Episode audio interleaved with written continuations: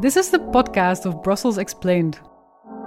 Knowing how things work is key to changing the world. And so we invite experts to explain a complex topic in under 10 minutes. In Brussels Explained, we focus on all things Brussels. In this edition, you'll hear Alain de Bruyne. He'll explain what the Belgian Pride stands for and how it originated in Brussels.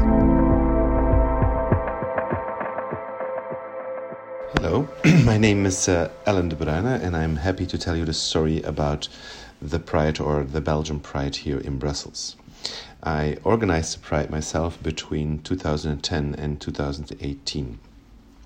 So, to tell you the story of um, the Pride in Brussels, I have to go and contextualize uh, time wise what happened when. So, you have to go back to the 50s and the 60s, 1950 and 60, where being LGBTQI was really seen as a deviation. People were seen as sick. There was not only it was really a doctor's uh, and psychiatry psychiatry uh, opinion. It was seen as something that was wrong. But you can imagine, for sure, in society, it was really seen as something completely not done and and disgusting and dirty. And so, uh, it was also not so simple to organize yourself when you would identify yourself as LGBTQI. And it was literally in Europe, except for France, it was in most countries, it was forbidden. You could lose your job or you could um, be put in prison for that. So in 1969, specifically on the 28th of June, in America, uh, as everywhere in the world, you had, of course, LGBTQI people would come together, and specific travestites and transgender and people of color would come together in their own bars where they would dress up and where they would could be themselves and express themselves.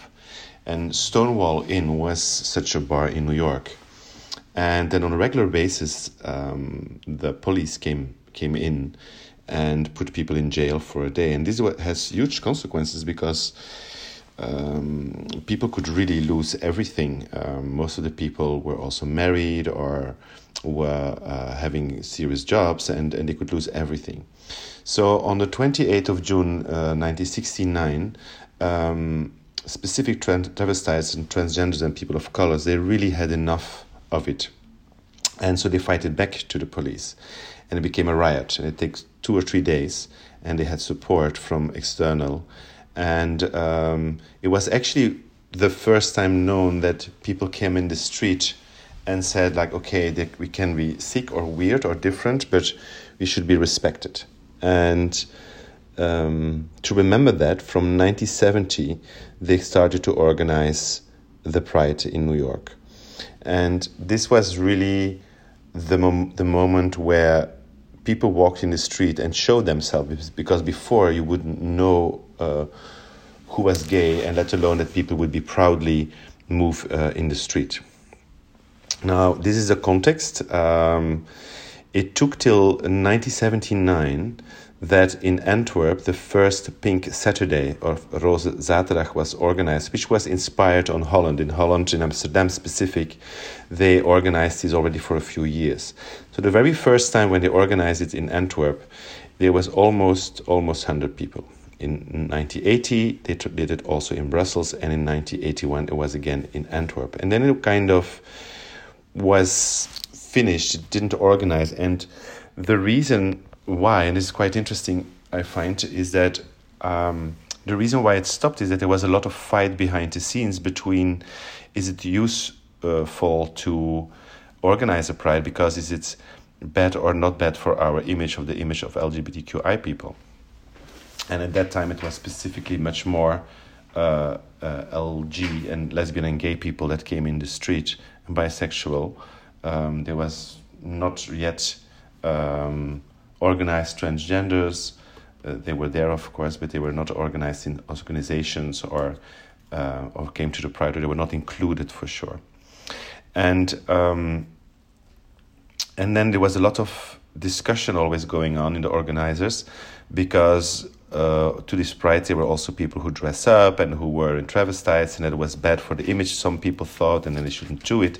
So and it took till 2090 so almost 10 years later when in Antwerp, some little organizations, some small organizations that decided, okay, we should do it every two years, we should organize a pride, and it should be always in another city. And it was also the first time that um, organizations from Wallonia were included. So they had um, different kinds of uh, organizations in Antwerp, in Ghent, and then in Brussels. And then they decided in 1995 they were at that moment with 50 small organizations from Brussels, Flanders, and Wallonia that they would from then on always organize it in Brussels. So that was decided in 1995 with 15 organizations. And of course, there was then the big question how we gonna, what's going to be the name? And it became a compromis à la Belge. And it, the name of the first pride that happened in 1996 in Brussels was called Belgium Lesbian and Gay Pride, Roze Zaterdag Samedi Rose. It's like a mouthful uh, for an event.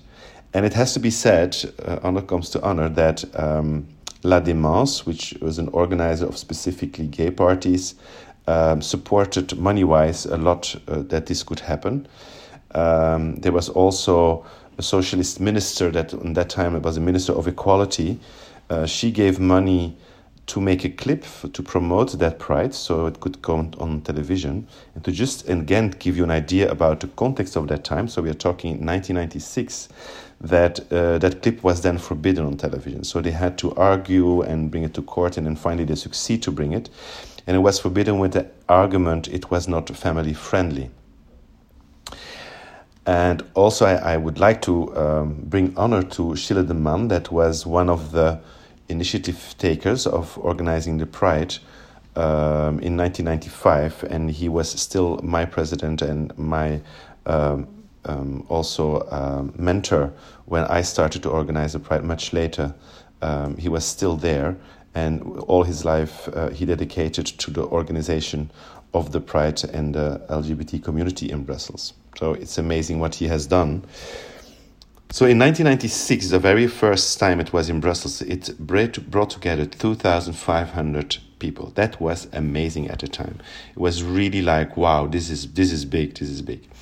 So, although the mayor of Brussels didn't want them to walk in the city, they had to go around the city. So in the in the in the big boulevards, empty boulevards, they were on their own screaming. Those 2,500 people. Um, because the mayor didn't want them. He said it would be bad for business of the city. Um, these weird people shouldn't be seen in the city. And um, in 2000, which is like four years later, there was a change of mayor in Brussels. So we had a socialist mayor, and he really uh, welcomed um, the pride in the city. Um, also, there was the alderman Bruno de Lille, who was an openly gay man. Um, he also welcomed it in the city. They were on the city hall uh, with a reception. So suddenly it was a, a, different story, and that started to have an effect on the visitors. So at that time, uh, in 2000, uh, so four years later, there was 10,000 visitors. So from 2,500 to 10,000, which is quite enormous uh, if you think about it and if you see the time zone um, and the context of the time. Now, a, turning point we could say was 2002. So the Pride is always uh, in Brussels is organized around the International Day Against Homophobia, which is the 17th of May, and so by coincidence or not, is also before election, and. Um, so we started to put pressure on the political parties, and in since 2009 or 1990, 1999, there were political debates, and in the beginning of the Pride, there was, of course, no one from political organizations who wanted to be part of the Pride. But in 1999, the, the, the presidents, because it was always before election, they came to uh, debates about a topic, and we could start to put pressure. So in 2002, there was again federal uh, election, and there was a whole uh, new what we call the rainbow parties that made a coalition were progressive parties, and to everybody's surprise, they took uh, our demands. Uh, they took it serious and they changed the law so that made us that we were the second country in the world that um, accepted marriage, that open marriage for uh, same gender, and also adoption was immediately possible. So that was quite impressive. So to celebrate that in 2003, there was already 25,000 people. Now the thing was that from then on, you know, we all the rights were kind of there. So which, if you compared with the countries around us in Europe, we were really the pioneers. And so it the, the, the pride was over its momentum. So we got what we wanted, and it was a little bit like stable. It was every year around 25 or less and then in uh, that was from 2003 and in 2010 uh, i came in and uh, that's where i organized my first pride in 2010 and the thing that i found or what i changed was that um, till then the pride was a walk. So you had the, the manifestation part which is a walk through the city through the streets with demands. And then you had a party zone which was also in the gay area of brussels. And when I started, I found that the pride was too white, too male, and too young. So I wanted to work so that people of color would feel welcomed and comfortable. Uh, more women would feel safe and comfortable on a pride, and also uh, people of more different ages. And so I created the slogan Pride for Everyone that we repeated every year. And we also changed that name, the Belgian Lesbian and Gay Pride, to the Belgian Pride. And um, and I, I, I, put a lot of effort to work with um, different groups, different organizations that represent people, or but also with um, cultural houses in the city. And by definition, you just open up the doors. And one of the biggest moves I think that we've done in that period, with with the support of the initiative takers, like like Gilles de Man, um, was that instead of having walk around the city and then have your party, the LGBT party celebration in the LGBT area, um, we I, I, put the celebration in the middle of the heart of the city, which was never done before. And again, it has to be recognized that the mayor and, and the people uh, in power in the city uh, accepted that because it, never anything has been done in front of the Bourse, on the steps of the Bourse. And so that was very new that any activity would go there.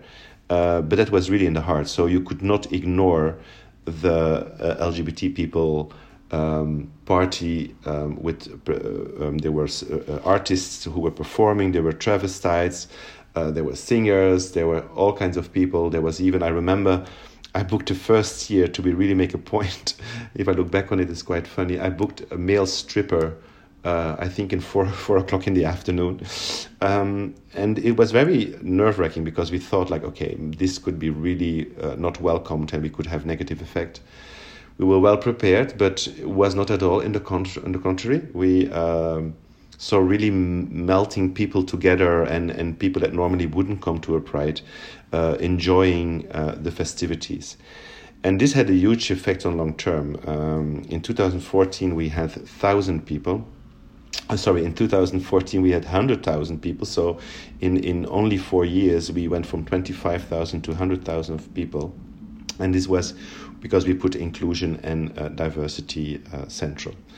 So this is a story of the pride, very fast, of course, in 10 minutes. It's like 25 years in 10 minutes, but it gives you an idea um, from where it came and from where it came actually. Have a nice day or evening. Bye bye. Thank you for listening to Brussels Explained. My name is Selma Fransen, and Brussels Explained is brought to you by Curieus, De Buren, and the Brussels Bulletin. This podcast was produced by Elena Schmitz. Brussels Explained is the English language, Brussels focused version of Moeilijke Dingen Makkelijk Uitgelegd. Follow Moeilijke Dingen Makkelijk Uitgelegd on Facebook to find out about upcoming editions of Brussels Explained.